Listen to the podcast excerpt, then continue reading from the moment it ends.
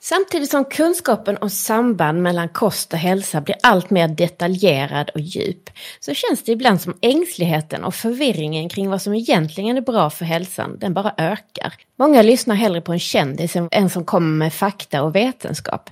Varför är det så? Och hur kan kunskap och evidens vinna över tyckande och uttalanden från självutnämnda experter? Jag heter Kajsa Asp Jonsson, jag är dietist och journalist och till min hjälp här idag i detta avsnittet så har jag en riktig expert. På Instagram finns hon på kontot Dieten i eten. I verkliga livet heter hon Linnea Bärbring. Hon är dietist och universitetslektor vid Göteborgs universitet. Och idag ska vi prata lite om forskningskommunikation.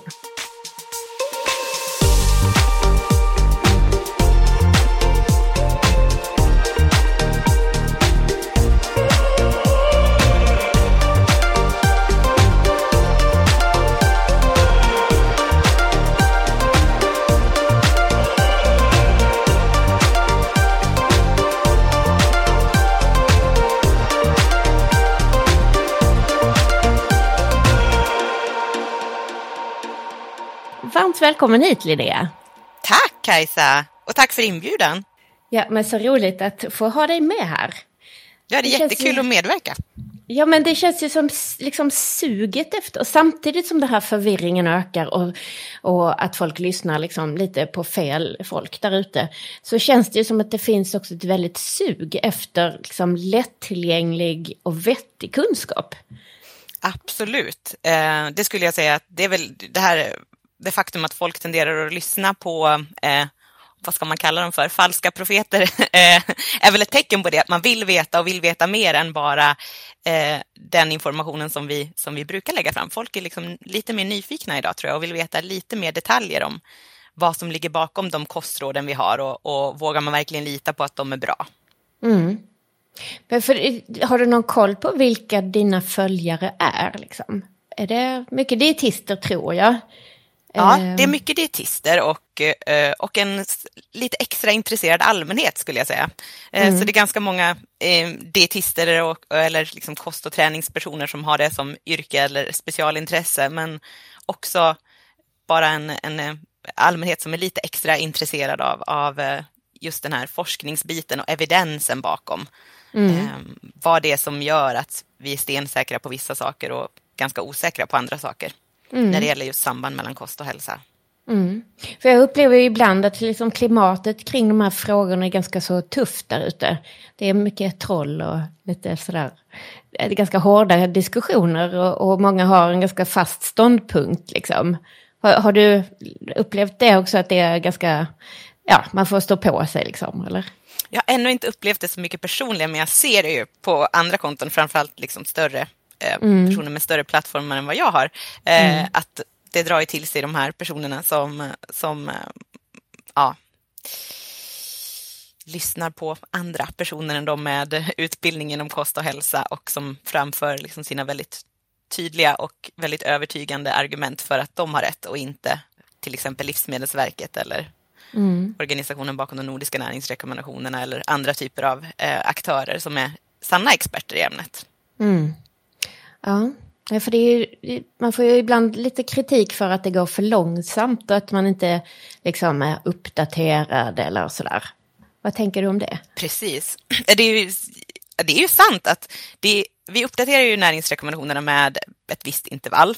Säger man var femte och tionde år någonstans där så kommer det nya versioner av våra nordiska näringsrekommendationer och de, eh, de, eh, den nya upplagan kommer ju nu under slutet på nästa år, 2022. Men och det, å ena sidan så är det ju sant att det händer ju inte jätte det är inte så att vi helt plötsligt rekommenderar vegankost och i nästa upplaga av eh, näringsrekommendationerna så rekommenderas eh, högfettskost eller eh, LCHF. Eh, och det är väl det kanske som folk upplever som att man inte anpassar rekommendationerna efter forskningen.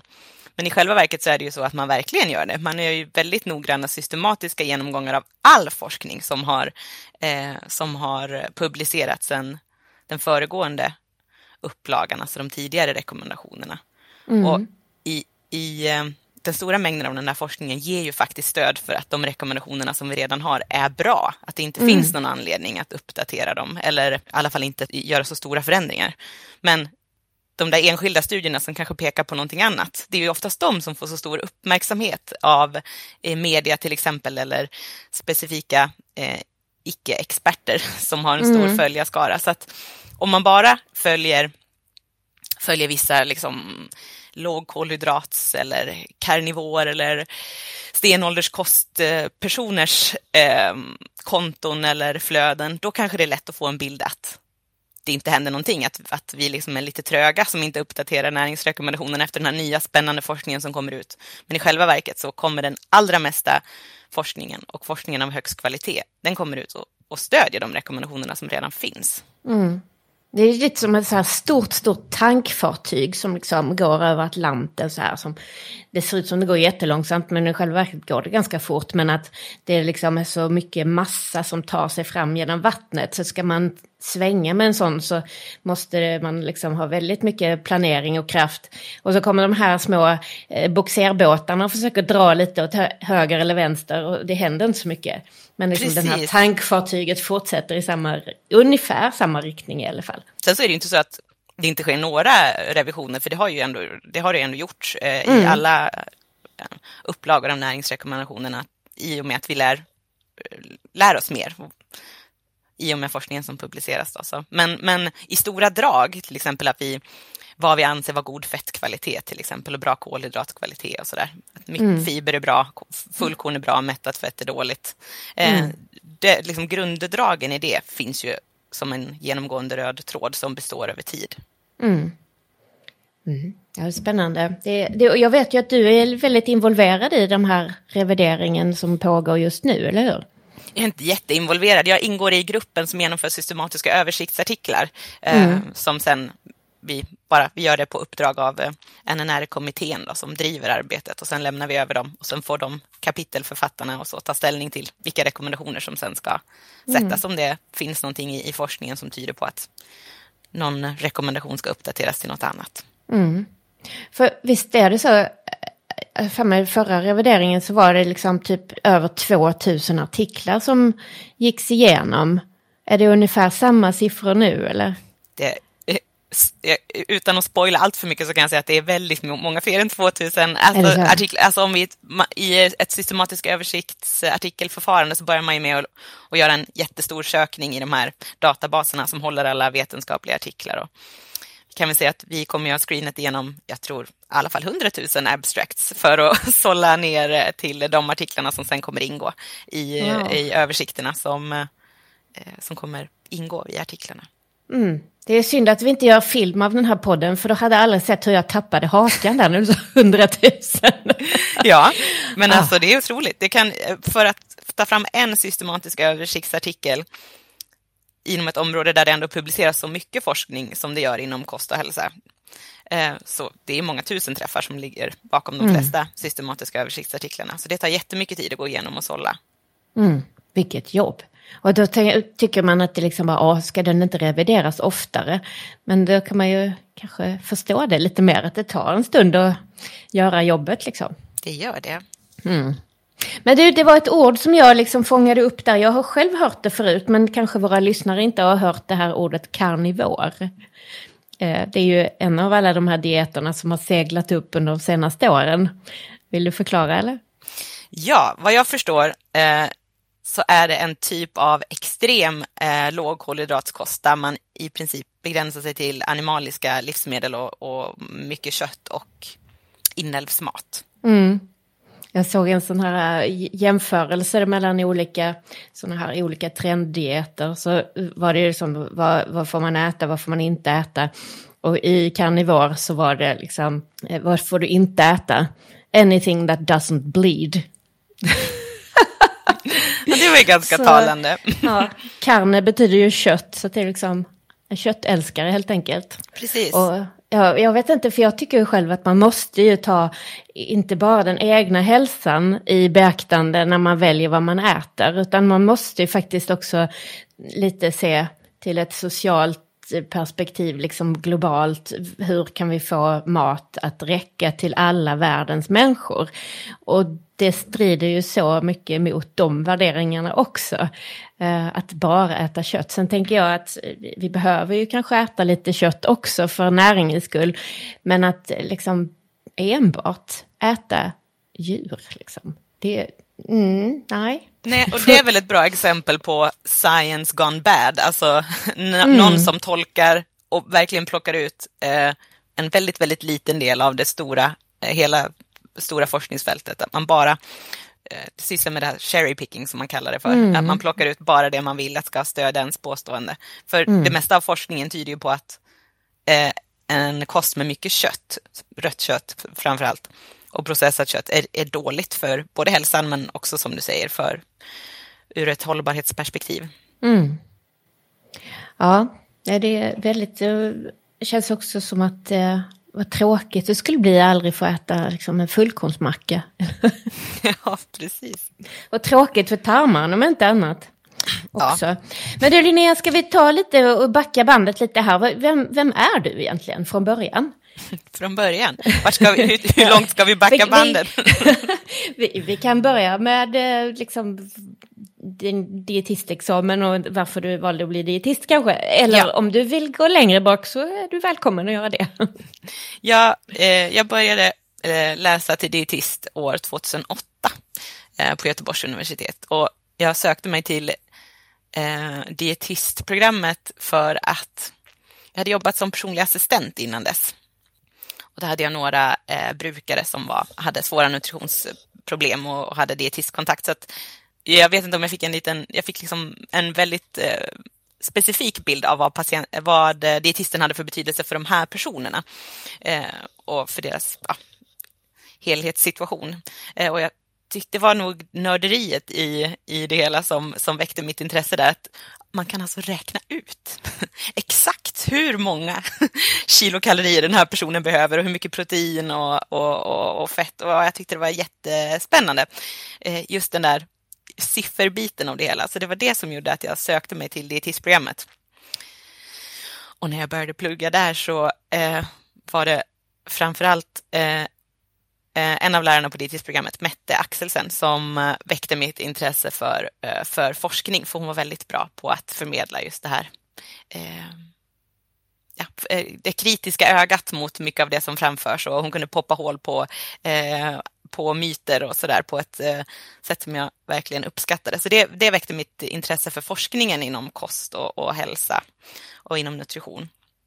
Och sen efter dietistexamen så hade jag möjlighet att eh, börja jobba med forskning på universitetet. Först som dietist i forskningsprojekt och sen blev jag antagen som doktorand. Eh, vilket ju var superkul. Så jag disputerade eh, år 2017 på en avhandling om D-vitaminstatus eh, hos gravida kvinnor.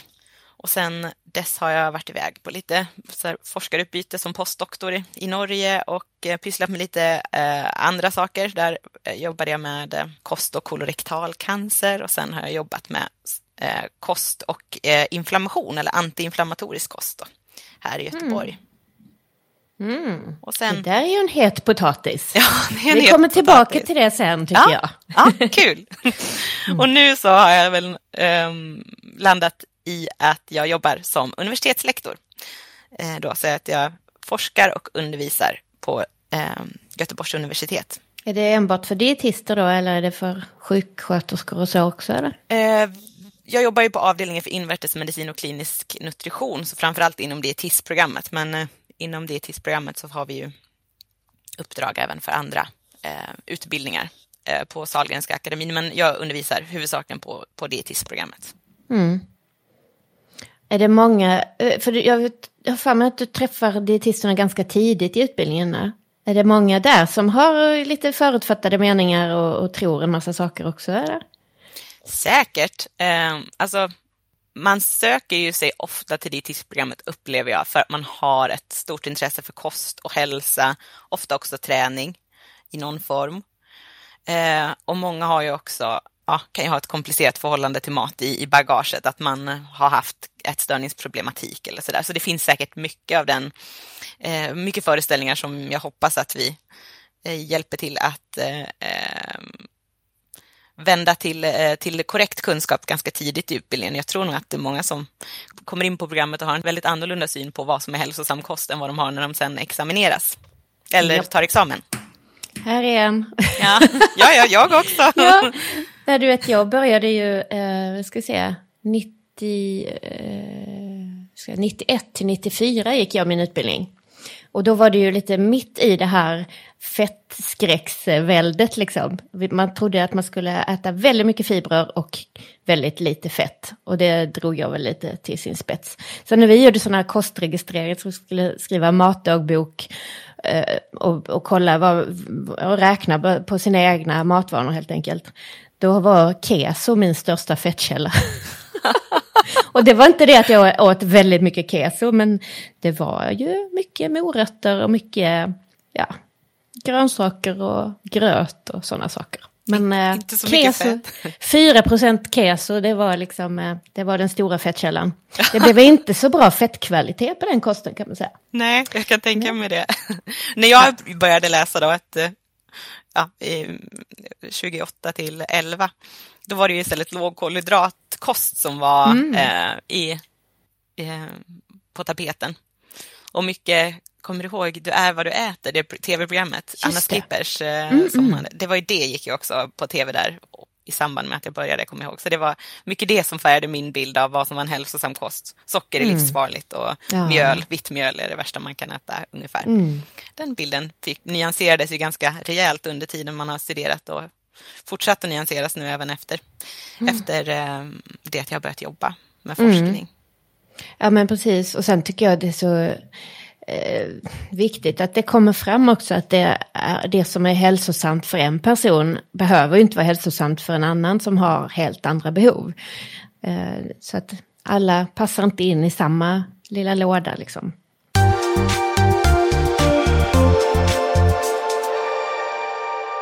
Jag tycker att vi ska gå in lite på det här liksom, eh, ja, vi behöver ju krossa lite myter här idag då. Ja. Som det är det som är anledningen till att jag har hittat dig kan man säga. um, det är ju några liksom snackisar som är aktuella just nu och har varit kanske de senaste året, åren kan man säga. Uh, dels vad, vad mat och inflammation har för samband. Eh, kanske lite kring covid och D-vitamin. Och även eh, kokosoljan kommer ju och går kan man säga. Den har ju seglat upp på löpsedlarna några gånger här under, i olika omgångar.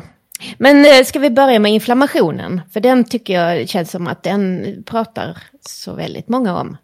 Ja, det har ju varit en, en, en trenddiet, antiinflammatorisk kost i flera år nu. Den har mm. Hållit i sig och den mm.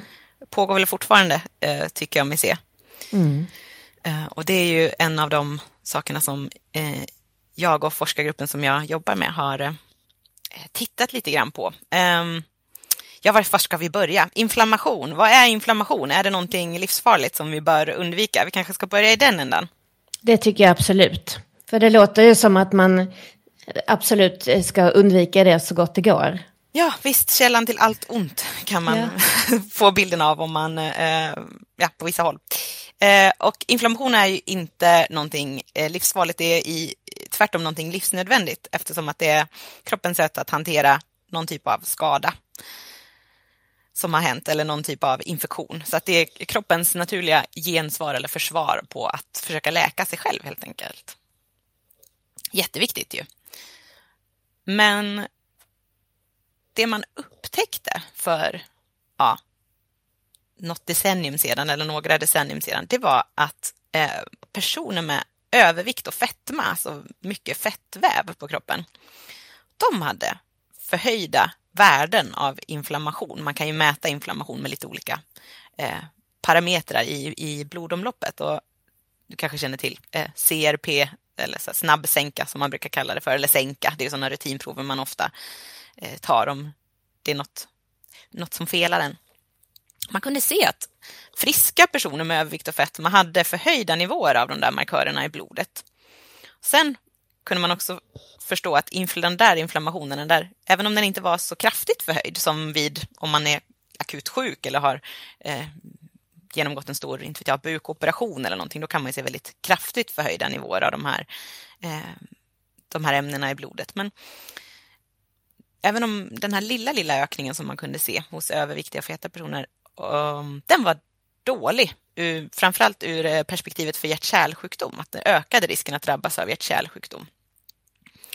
Och det kallas för låggradig inflammation. Kanske är något eh, som eh, man har, hört talas om, en term eh, som eh, man har läst. Och det är alltså den här lätta, lilla förhöjningen av inflammationsmarkörer som man ofta ser då i samband med övervikt och fetma.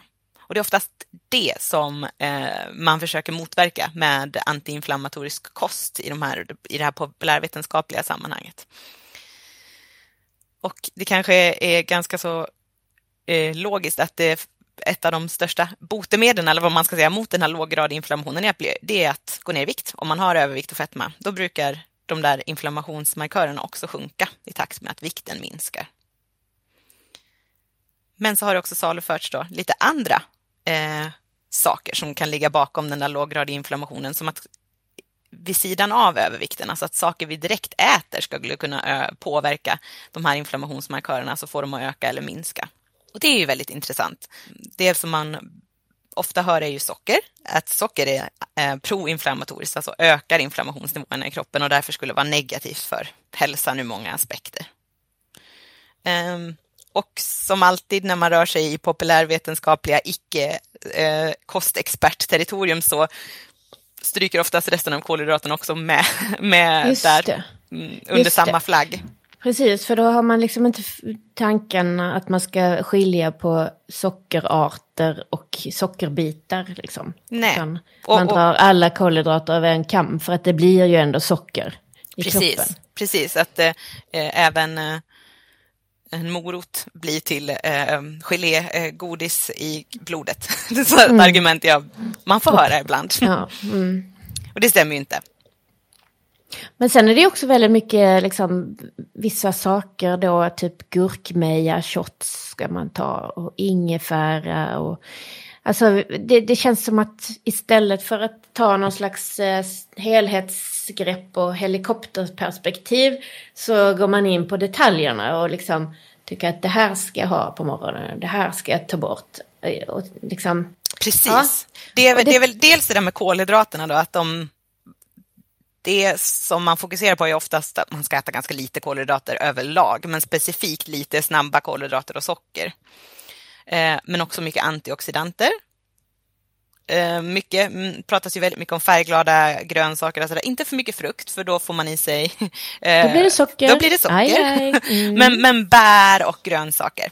Mm. Och sen ibland lite fisk, men inte alltid. Ibland är det ganska så eh, växtbaserat, alltså inriktat på eh, att minimera eh, produkter från djurriket överlag. Men ibland, ofta kan det ändå vara med lite, lite fisk. Mm. Och sen är det väl ofta också lite liksom, detaljfokus på vilka fettkällor man ska använda också? Ja, det finns ju eh, en stark uppfattning om att fettsyror av typen omega-6, alltså de vanligaste fleromättade fettsyrorna som vi har i, i eh, som det finns mest av i de vanliga eh, vegetabiliska oljorna som vi brukar rekommendera ändå som en del av en hälsosam kost, typ rapsolja och olivolja.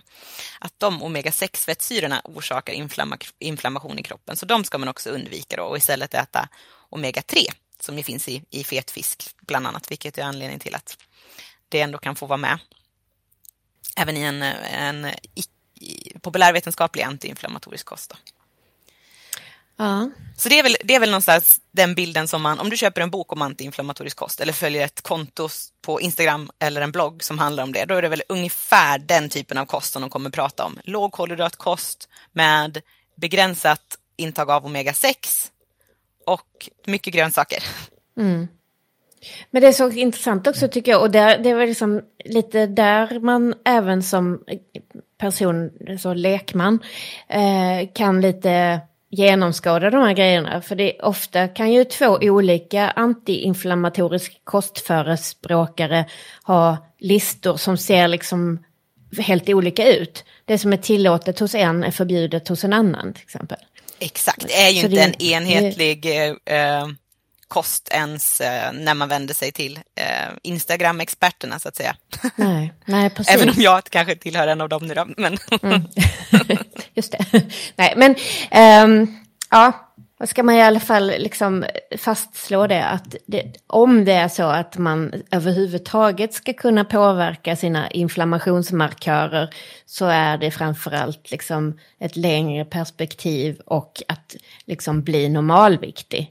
Det är det som är liksom det enda vi egentligen vet, eller hur? Ja, och om vi sen går till faktiska forskningsstudier, alltså högkvalitativa forsk högkvalitativ forskning som är gjord på människor, inte på mm. djur där man gör ja, knasiga saker i extrema doser. Um, och en, en mus är, funkar inte precis som en människa. Så om, vi, om vi håller oss bara till studier på människor och interventionsstudier, alltså där man går in och ändrar på kosten, då kan man se att eh, det är faktiskt inte den här antiinflammatoriska kosten i, i, i populärvetenskaplig litteratur som eh, får genomslag, utan det är snarare faktiskt näringsrekommendationerna, en kost i linje med näringsrekommendationerna. Så eh, inte låg kolhydratkost utan en hög kvalitativ kolhydratkost, alltså bra eh, källor med mycket fiber och fullkorn och, och, och eh, lite mättat fett. Mycket fler och mättat fett. Omega-6 verkar inte vara så tokigt när man sen mm. testar det hos människor. Det verkar faktiskt tvärtom vara, ge positiva effekter även eh, på inflammation om det har någon påverkan överhuvudtaget. Och omega-3 mm. är ju bra, så fet fisk är bra. Och alla typer av vegetabiliska, eh, inte alla typer av vegetabiliska oljor. Eh, vi kommer till kokosoljan sen, hörde jag. Eh, men olivolja, rapsolja, de här vi brukar rekommendera, det är tvärtom positivt ur, ur eh, även ur inflammationssynpunkt. Utifrån det vi vet idag. Det, det här kan ju komma att eh, ändra sig och nyanseras lite grann för att det är fortfarande forskning som är lite grann i sin linda. Mm. Men du, nu var vi ju lite inne på fettkvalitet, så ska vi ta kokosoljan, tjuren vid hornen direkt? Ja, det kan vi väl göra. Det har hänt någonting i allmänheten som har, jag tror att det var när eh, lågkolhydrattrenden mötte vegan eller vegetarisk eh, mattrenden. Så blev helt plötsligt kokosolja ett livsmedel som ansågs vara väldigt nyttigt i eh, vissa icke-experters ögon. Så det, det, det saluförs ju verkligen som ett hälsosamt livsmedel idag. Inte minst som en del av antiinflammatorisk kost ju. Eh, men eh, jag tror att många eh, populärvetenskapliga dieter har med kokosolja som ett hälsosamt livsmedel. Och för mig är det helt obegripligt hur det har blivit så. Eftersom att eh, kokosolja eller kokosfett är ju en av de eh, vegetabiliska källorna till fett som är sämst ur fettkvalitetssynpunkt. Det består nästan bara av mättat fett som vi vet ökar risken för hjärt-kärlsjukdom. Och sen ja, säger man ju ibland att ja, ja, men det den typen av mättat fett som finns i kokosolja är inte dåligt därför att det är ja, kortare fettsyror som inte påverkas på samma sätt. Men de fettsyrorna som är kanske lite mindre dåliga ur hjärt-kärlsynpunkt, de utgör en ganska liten del av mättade fettet som finns i kokosolja. Det mesta av mätt, eh, fettet i kokosolja är riktigt dåligt. Så om man jämför kokosolja med olivolja till exempel så kan man ju se att olivolja är jättemycket bättre för, för våra, vår blodfettsprofil. Jag tycker det är väldigt intressant för om jag liksom, det jag har fått lära mig är ju att man eh, om ett fett är hårt i kylskåpstemperatur, då innehåller det en hög andel mättat fett. Och det finns ju ingenting som är så hårt som kokosfett. Nej. Det är som en tegelsten när det, ligger i kylskåpet. Det är smöret då, de, de mm. rena, rena smöret som är riktigt, de är riktigt hårda i, i kylen. Eh, och det är ju ett bra, det är det där knepet för att avgöra hur mycket mättat fett finns det någonting, hur, hur hårt mm. är det i kylen. Men jag tänker att det också har någonting att göra med den här liksom naturlig eh, trenden också. Att kokosfett skulle vara så mycket mer naturligt. Eh, jag vet inte. Nej, det är skumt, eller hur? Och, och, mm. och eh, rent egenskapsmässigt om man ser till just det här med konsistensen, att det är hårdare, det gör väl att man kanske kan ersätta smör Ehm, och istället ta kokosfett då i en, om man nu vill göra en eh, vegansk eh, kaka eller någonting, för att, just för att få de där egenskaperna som smör har, men man vill inte äta smöret. Men eh, om man skulle ersätta olivolja och äta eh, kokosfett istället för det så skulle det bli mycket sämre. Medan okej, okay, ur hjärt-kärlsynpunkt så kanske det är jämförbart med smör eller kanske till och med lite bättre än smör. Men vi vill ju få folk att välja de här riktigt bra fettkällorna. Rapsolja och olivolja, de här fleromättade, omättade källorna till fett. Så det finns ju ingen anledning att byta smör mot kokosolja. Det kommer ju inte göra några stora underverk för hälsan. Det är ju just det här eh, bytet från smör till rapsolja eller olivolja, de här flytande eh, fetterna som, som är positivt. Kokosolja hör inte hemma i, i, i den delen av eh, eh, kosten, tycker inte jag. Nej, och, och, inte minst liksom det här hållbarhetsperspektivet och liksom, vi kommer aldrig kunna odla kokos här liksom. Nej. Så varför, kan man, varför måste man eh, låta maten åka så långt i onödan, tänker jag. Men jag skulle då definitivt säga att, kok att kokosolja är nyttigt är definitivt en myt. Punkt. Punkt.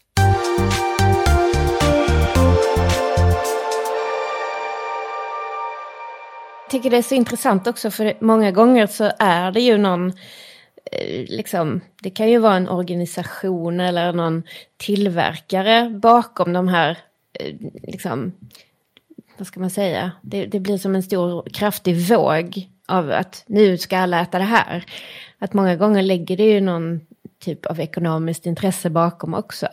Antingen av någon produkt eller någon bok eller någon person som vill bli eh, liksom stor och stark inom, eh, ja, som influencer och så. Precis, och sen går det ju, alltså det är också big business i de här trenderna, att skapa dem förstås, för att eh, jag, jag märker ju att personer som även har en vettig kost i övrigt blir påverkade och går och köper den där kokosoljan i affären och gärna smyger ner den i lite grejer för att det känns trendigt och fräscht. Liksom. Eh, så att, ja, nej, det är viktigt vad, som, eh, vad vi kommunicerar ut i, i sociala medier och i eh, andra typer av eh, kanaler, för det påverkar verkligen vad folk äter och det har påverkan på folkhälsan i förlängningen. Mm. Du vet ju, de hade ju, det fanns ju de här stora Norsjöprojekten och de, liksom, det var ju väldigt liksom, stora folkhälsoprojekt, framförallt uppe i Norrland, då typ 90-talet tror jag de startade, 80-90 kanske, eh, där man verkligen fick ner de här stora eh, hjärt-kärlproblemen till en lite mer rimlig nivå. Och sen när LCHF-trenden kom så såg man att det, det blev ganska direkt att man kom upp till de nivåerna man hade haft på 90-talet igen. Och att det, det, är så skört, liksom. det är så lätt att förstöra en sån eh, stor eh, liksom, rörelse som verkligen har påverkat någonting positivt. Det kan liksom, på ett par år så kan man ha liksom sopat undan det helt och hållet. Ja, det är så deppigt. Jag, mm. Man såg ju det där väldigt tydligt att eh, när intaget av smör ökade i samband med LCHF-trenden för något decennium sedan och att ja, blodfettsprofilen blev ju sämre som ett brev på, på posten i befolkningen. Man kunde ju se att de där två faktorerna gick hand i hand. Uh, och, och, det är så tröstlöst att tänka att årtionden, alltså decennier av folkhälsoarbete bara blev helt omintetgjort mm. mm. på jättekort tid.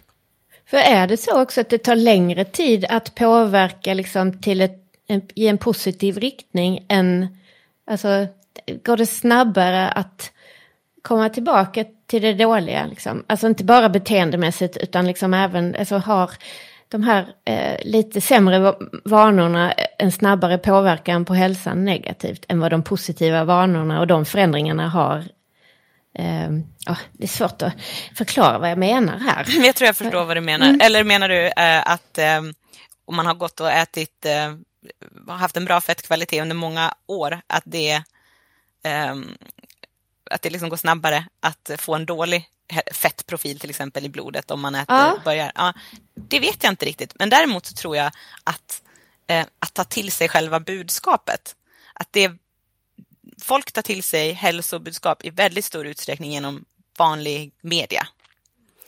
Löpsedlar och artiklar i, i, i dagspress och kvällspress och eh, magasin.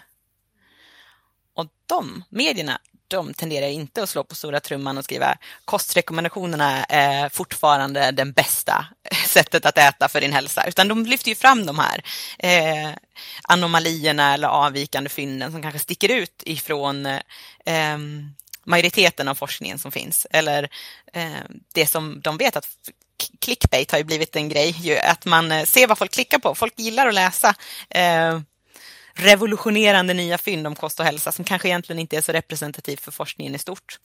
Så jag tror snarare att det har tagit väldigt lång tid för myndigheter och liksom eh, ja, folkhälsoarbetet i stort att få genomslag i befolkningen för att den typen av budskap når inte riktigt igenom bruset på samma sätt. Medan LCHF till exempel blev så extremt eh, uppmärksammat i media. Det blev till och med liksom bilagor till kvällstidningar som bara handlade om LCHF-mat. Mm. Och, mm. och det är klart att det är synd, det är klart att det får effekter på, mm. på folkhälsan och folks beteenden. Ja men precis, jag tänker det är som, ett, liksom att dra i ett riktigt hårt gummiband. Man liksom bara drar och drar och drar, man kommer lite, lite, lite och sen så boing! Ja. Så, så är man tillbaka på ruta ett. Liksom. Ja. Och folk ja. gillar ju, alltså många av de sakerna som inte är så bra för oss är ju jättegoda att äta och dricka. Det kan väl du och jag också skriva under på.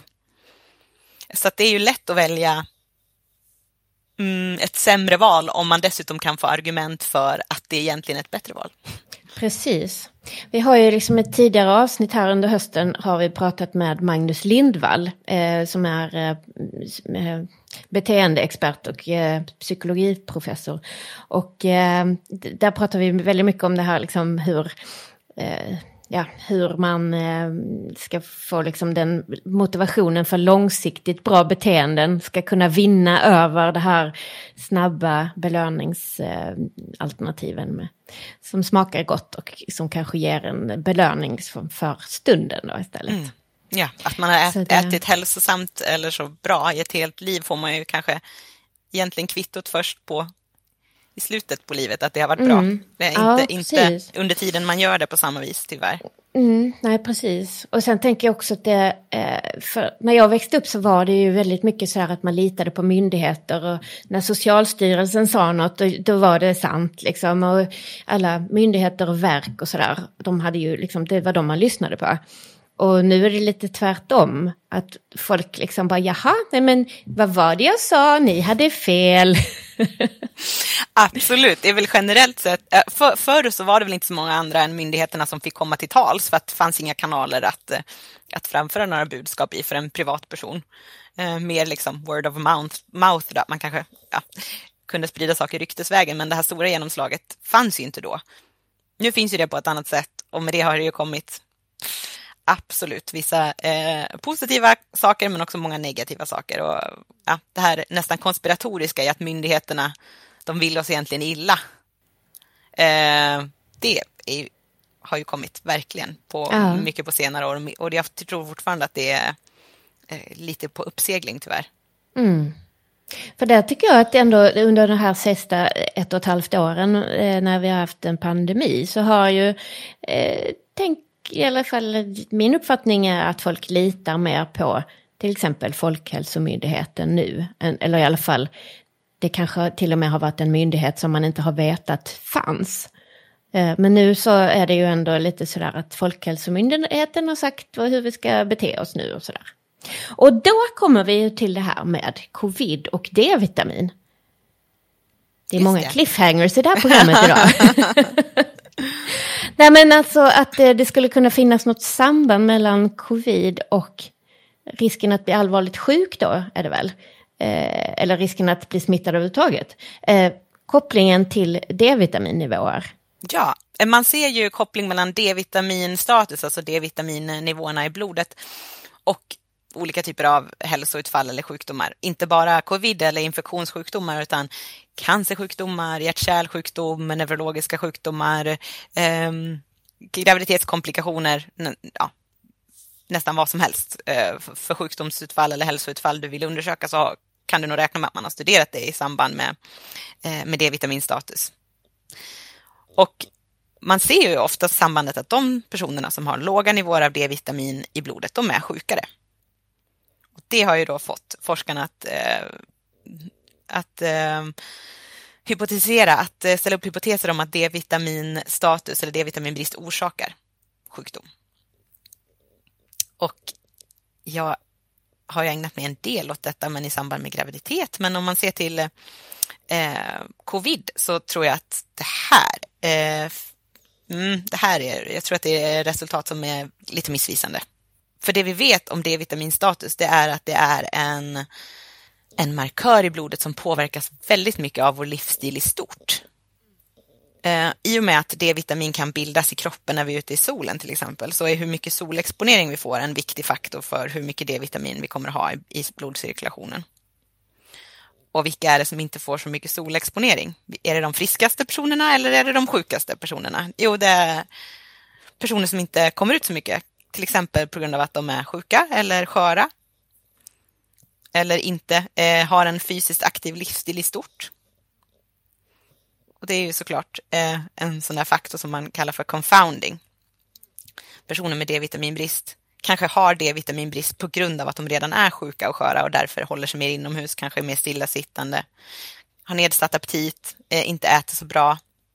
Dessutom så vet vi att D-vitamin eh, sjunker när man eh, blir överviktig. Så personer med övervikt och fetma har lägre D-vitaminstatus.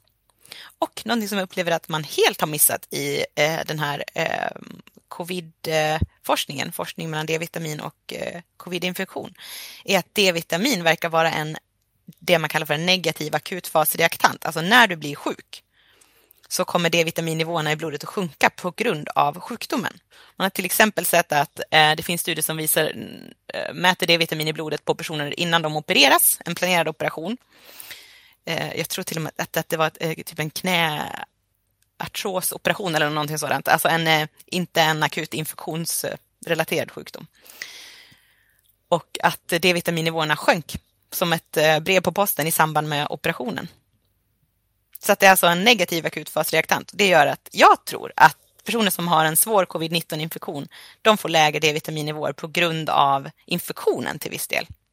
Ja, det, är, det är ju ganska intressant. Man, många gånger när man mäter eh, ja, samband till exempel mellan mjölkintag och hälsa. Så kan det ju vara så här, aha, men man får mer cancer av mjölk eller man, får, eh, man blir sjuk av att dricka mjölk. Men är det kanske så att de som har tugg och sväljsvårigheter eller som har nedsatt aptit eller som inte kan liksom äta protein och tugga liksom att de dricker mer mjölk. Alltså att det, det, finns ett samband men det är inte det som är orsaken utan det blir snarare en effekt. Liksom. Precis, man kallar det för omvänd kausalitet, i, mm. alltså ett omvänt orsakssamband. Att det är, mm. Ja, det finns ett samband men det går inte åt den riktningen som du tror, det går åt andra hållet. Precis. Så I det här fallet då är det inte D-vitaminstatus som ger en svårare covid-infektion utan covid-infektionen som ger en sämre D-vitaminstatus, tror jag. Mm. mm. Men eh, vi får väl se om det är någon som kommer undersöka det i något lämpligt eh, eh datamaterial här framöver. Precis. Och den andra faktorn är ju såklart den jag nämnde innan att eh, de personerna som vi vet är i riskgrupp för svår covid-infektion också är i riskgrupp för D-vitaminbrist på grund av sin livsstil och hälsa i stort.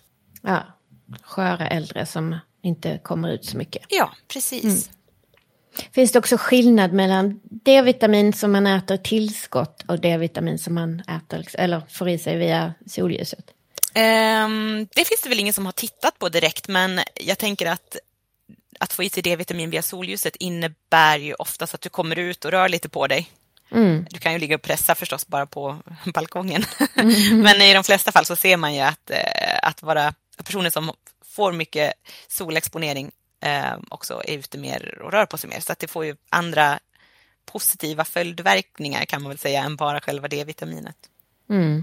Men nej, jag skulle inte säga att eh, det, vi kan inte se att det skulle göra någon större skillnad vart det kommer ifrån. Eller jag kan inte heller säga att man har undersökt det i någon större utsträckning vad jag kan eh, dra mig till minnes. Mm.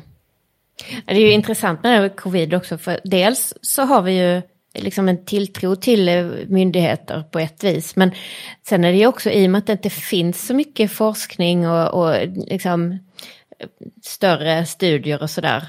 Så är det ju ganska mycket att folk blir egna experter inom det området också. Absolut. Och sen i covid nu så har ju många vetenskapliga tidskrifter eh, släppt på det här med peer review-förfarandet. Man publicerar just manus på en gång de skickas in om de är relaterade till covid just för att man inte vill ha någon fördröjning i att eh, kunskapen ska bli, eh, komma till nytta.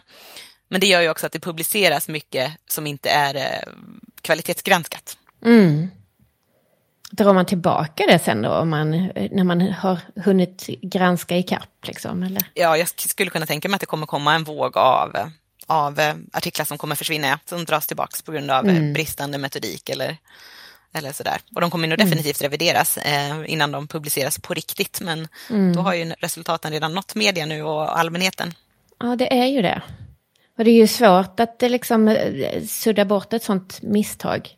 Ja. När rubrikerna har liksom bara varit jättestora redan och det har blivit väl spritt och sådär. Så kan det ju vara svårt att nå ut med att nej men det var så här istället. Liksom. Mm. Ja, D-vitamintillskotten var ju slutsålda kunde jag se på eh, liksom, när de, de rönen, eller de nyheterna började släppas i pressen om att D-vitamin mm. och sambandet med covid så ökade ju försäljningen av D-vitamintillskott, tolkar jag det som ganska rejält. Mm. Ja, det är intressant. Det, det finns mycket att göra inom det här med att kommunicera fakta och forskning. Absolut, och där har ju vi forskare, vi som forskare har ett stort ansvar där också tycker jag. att eh, Vi har ju det som upp, tredje uppgiften kallar vi det för inom eh, universitetsvärlden. Vi ska forska, undervisa och eh, kommunicera med allmänheten. Mm. Det är ju toppen att det finns poddar då. Eller hur? Exakt! Sociala medier. Nej men det är ju också lite kul tycker jag att man eh, faktiskt har vågat sig ut i den världen och inte bara gå till de stora dagstidningarna. Liksom. Mm. Att man liksom är där folket är också. Precis, precis. Och jag tycker att det, ja, men jag har saknat den där direkta kontakten eller plattformen för direktkommunikation mellan allmänheten och forskare. För det blir ofta mm. som du säger via media och det finns ingen möjlighet för allmänheten att ställa frågor via media på det viset riktigt oftast, utan det är ju mer att man får läsa en artikel där en journalist har ställt frågor den frågorna som den personen hade. Mm. Eh, och sen kanske det vinklas på något sätt dessutom för att passa eh, budskapet som mediet vill få fram. Ja, så just den där kan... direkta kontakten tycker jag är, um, jag tror den är jätteviktig för, mm. ja men ur ett demokratiskt perspektiv också. Och dessutom Absolut. så är det ju allmänheten som betalar för mycket av forskningen som, eh, som vi gör i Sverige. Det är ju via statligt finansierade eh, forskningsmedel som den mesta forskningen bekostas av. Så mm. därför är det ju också ja, en rättighet tycker jag, att allmänheten ska få veta vad vi kommer fram till. Ja, jag tänker också att det kan ge många nya idéer till vad, vad är det folk faktiskt behöver veta mer om och vad finns det för frågor där ute? Liksom. Absolut. Mm. Ja, men superspännande. Och jag tror att vi har ju inte sett den sista galna myten än. Har du något sådär som du vet är på uppsegling eller? Något? Nej, alltså det jag tycker blir mer och mer nu, både inom forskningen och Eh, och som en så trendspaning är väl det här med eh, förlängd fasta och när på dygnet man ska äta, eh, förlängd nattfasta. Det kanske inte är så mycket 5-2 periodisk fasta av den typen, men, men mer under dagen, att man inte ska äta under vissa tidpunkter eller efter en viss mm. tid på mm. kvällen eller före en viss tid på morgonen. och sen tror jag väl kanske också att växtbaserat kommer av andra anledningar bli en större grej i framtiden, alltså veganskt och vegetarisk kosthållning i stort. Av mm. hållbarhetsskäl primärt. Mm. Ja, det är intressant. Har du någon också. spaning, Kajsa? Nej, men jag, tänkte, jag tänker på det nu när du sa detta med, med, periodisk fasta och så. För några år sedan var det väldigt mycket snack om att man skulle liksom reparera sina egna celler på det sättet. Alltså, det känns ju jättemärkligt att man tror att man ska svälta sig till bättre hälsa på något vis. Eller, ja, ja, ja. Konstigt. I och för sig, det, det, har man övervikt och fetma så är ju viktminskningen jättehälsosamt. Liksom. Men eh, sen är det väl ofta eh, kanske de som redan lever ganska hälsosamt och de som kanske redan är lite på gränsen till vad som är hälsosamt beteende vad det gäller liksom för mycket träning och lite onödigt nyttig mat. Liksom. Men att, eh, att det skapar ju väldigt mycket ångest och funderingar också tänker jag. Ja, och många känns ju, många eh, anti-etablissemangsaktörer eller vad man ska kalla de här personerna för eh, skrämmer ju verkligen upp och jag tror att de gör det jag tolkar det som att de gör det med flit. De vill skrämma upp för att få mer mm. uppmärksamhet själva. Eh, och de vill skapa misstro till eh, de rekommendationerna som finns för att de har någonting personligen att tjäna på, att folk ska lyssna på dem istället. Mm. Precis. Så har du några tips där? Liksom, finns det några så här tre steg för att genomskåda en, en eh, vad ska jag kalla dem då? En självutnämnd expert eller en... Ja. Alltså källkritik är ju A och O. Um, så först och främst kan man ju kika på vem personen är som säger det. Har den här personen en utbildning inom ett adekvat eller liksom ett relaterat område inom kost? Är det en forskare, kolla att det, personen är forskare inom kost, inte inom något helt annat område, för då kan de inte mer än någon annan. Och försök tänka, tänka eh, hela tiden kritiskt, har den här personen någonting att tjäna på? Att du ska tro på det här budskapet. Vill den sälja en produkt? Eh, typ ett kosttillskott eller en, ett livsmedel? Vill den sälja en bok? Vill den, får den stora annonsintäkter på sitt konto som gör att den kommer tjäna pengar på att få mer följare till sin, eh, till sin eh, Instagram eller blogg? Den typen av eh, funderingar är superviktiga att få med sig för att se om det här är en person man faktiskt ska lyssna på eller inte. Mm. Det känns som att det är liksom transparent alltid. Jag vet att det är på Instagram så måste man ju skriva liksom att det, det här är ett betalt samarbete. Men eh, om de, liksom, man kan ju knappast skriva att det här är ett betalt samarbete med mig själv. Nej, precis. jag tror man ska göra, alltså om man, skriver, man ska ju skriva att det är reklam för egen verksamhet och sådär, även om man inte, men det är ju, det är ju bara när man gör reklam för en, liksom en produkt eller en tjänst mm. av något slag, eller hur? Så det här med att, det här med att uh, många som har annonssamarbeten tjänar pengar på att ha många följare, inte bara många likes på just det inlägget där det stod något konstigt, utan generellt sett tjäna pengar på att ha, ha många följare. Eh, mm. Eh, det får man väl bara ha, med, ha, åt, ha i åtanke hela tiden, tänker jag. Mm. Och ja, kritiskt precis. granska alla mm. med det ögat. Precis. Ja, kunskap är A och O. Mm. Jag tänker också att kan man, alltså man behöver ju inte bli, liksom, ha en universitetsutbildning inom det här, men om man har läst ett par vettiga böcker så att man åtminstone liksom har någorlunda stadig grund att stå på själv så blir det ju också mycket lättare att eh, stå emot de här liksom, och, och genomskåda rubrikerna och inte eh, springa efter varje liksom, trend som kommer. Precis. Och sen så får väl liksom ni, ni som jobbar med näringsrekommendationer får väl kanske jobba lite med kommunikationen kring det också när man liksom lanserar de nya, att det faktiskt basuneras ut som en nyhet också. Ja, det hoppas jag verkligen att det kommer göra. Eh, mm. Och hoppas att media också kommer plocka upp det. Precis. Se sitt ansvar i att eh, förmedla den nyheten till allmänheten. Mm. Verkligen. Ja men du, jag tror att jag är jättenöjd med all kunskap som jag har fått ifrån dig i alla fall idag. Ja, tack så jättemycket Kajsa för ett trevligt samtal. Dieten i eten är alltså kontot du ska följa för att hitta henne på Instagram. Finns det någon mer social kanal förresten? Nej, Nej. det gör jag inte. det räcker så. Det är väldigt, eh, jag tycker kontot är ju eh, inte bara faktaspäcket utan alltså du har ju samma humor som jag också. Det är solklart. väldigt ofta som man skrattar högt faktiskt när man ser inläggen. Ja, vad bra. Så eh, tack så mycket för det. Men du, vi hörs helt enkelt. Det gör vi. Tack ska du ha Kajsa.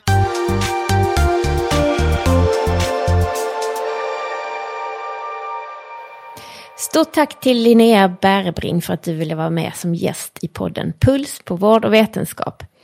Och stort tack till dig också som har lyssnat. Den här podden ges ut av Fresenius Kabi som är en leverantör i hela vårdkedjan, både på och utanför sjukhus.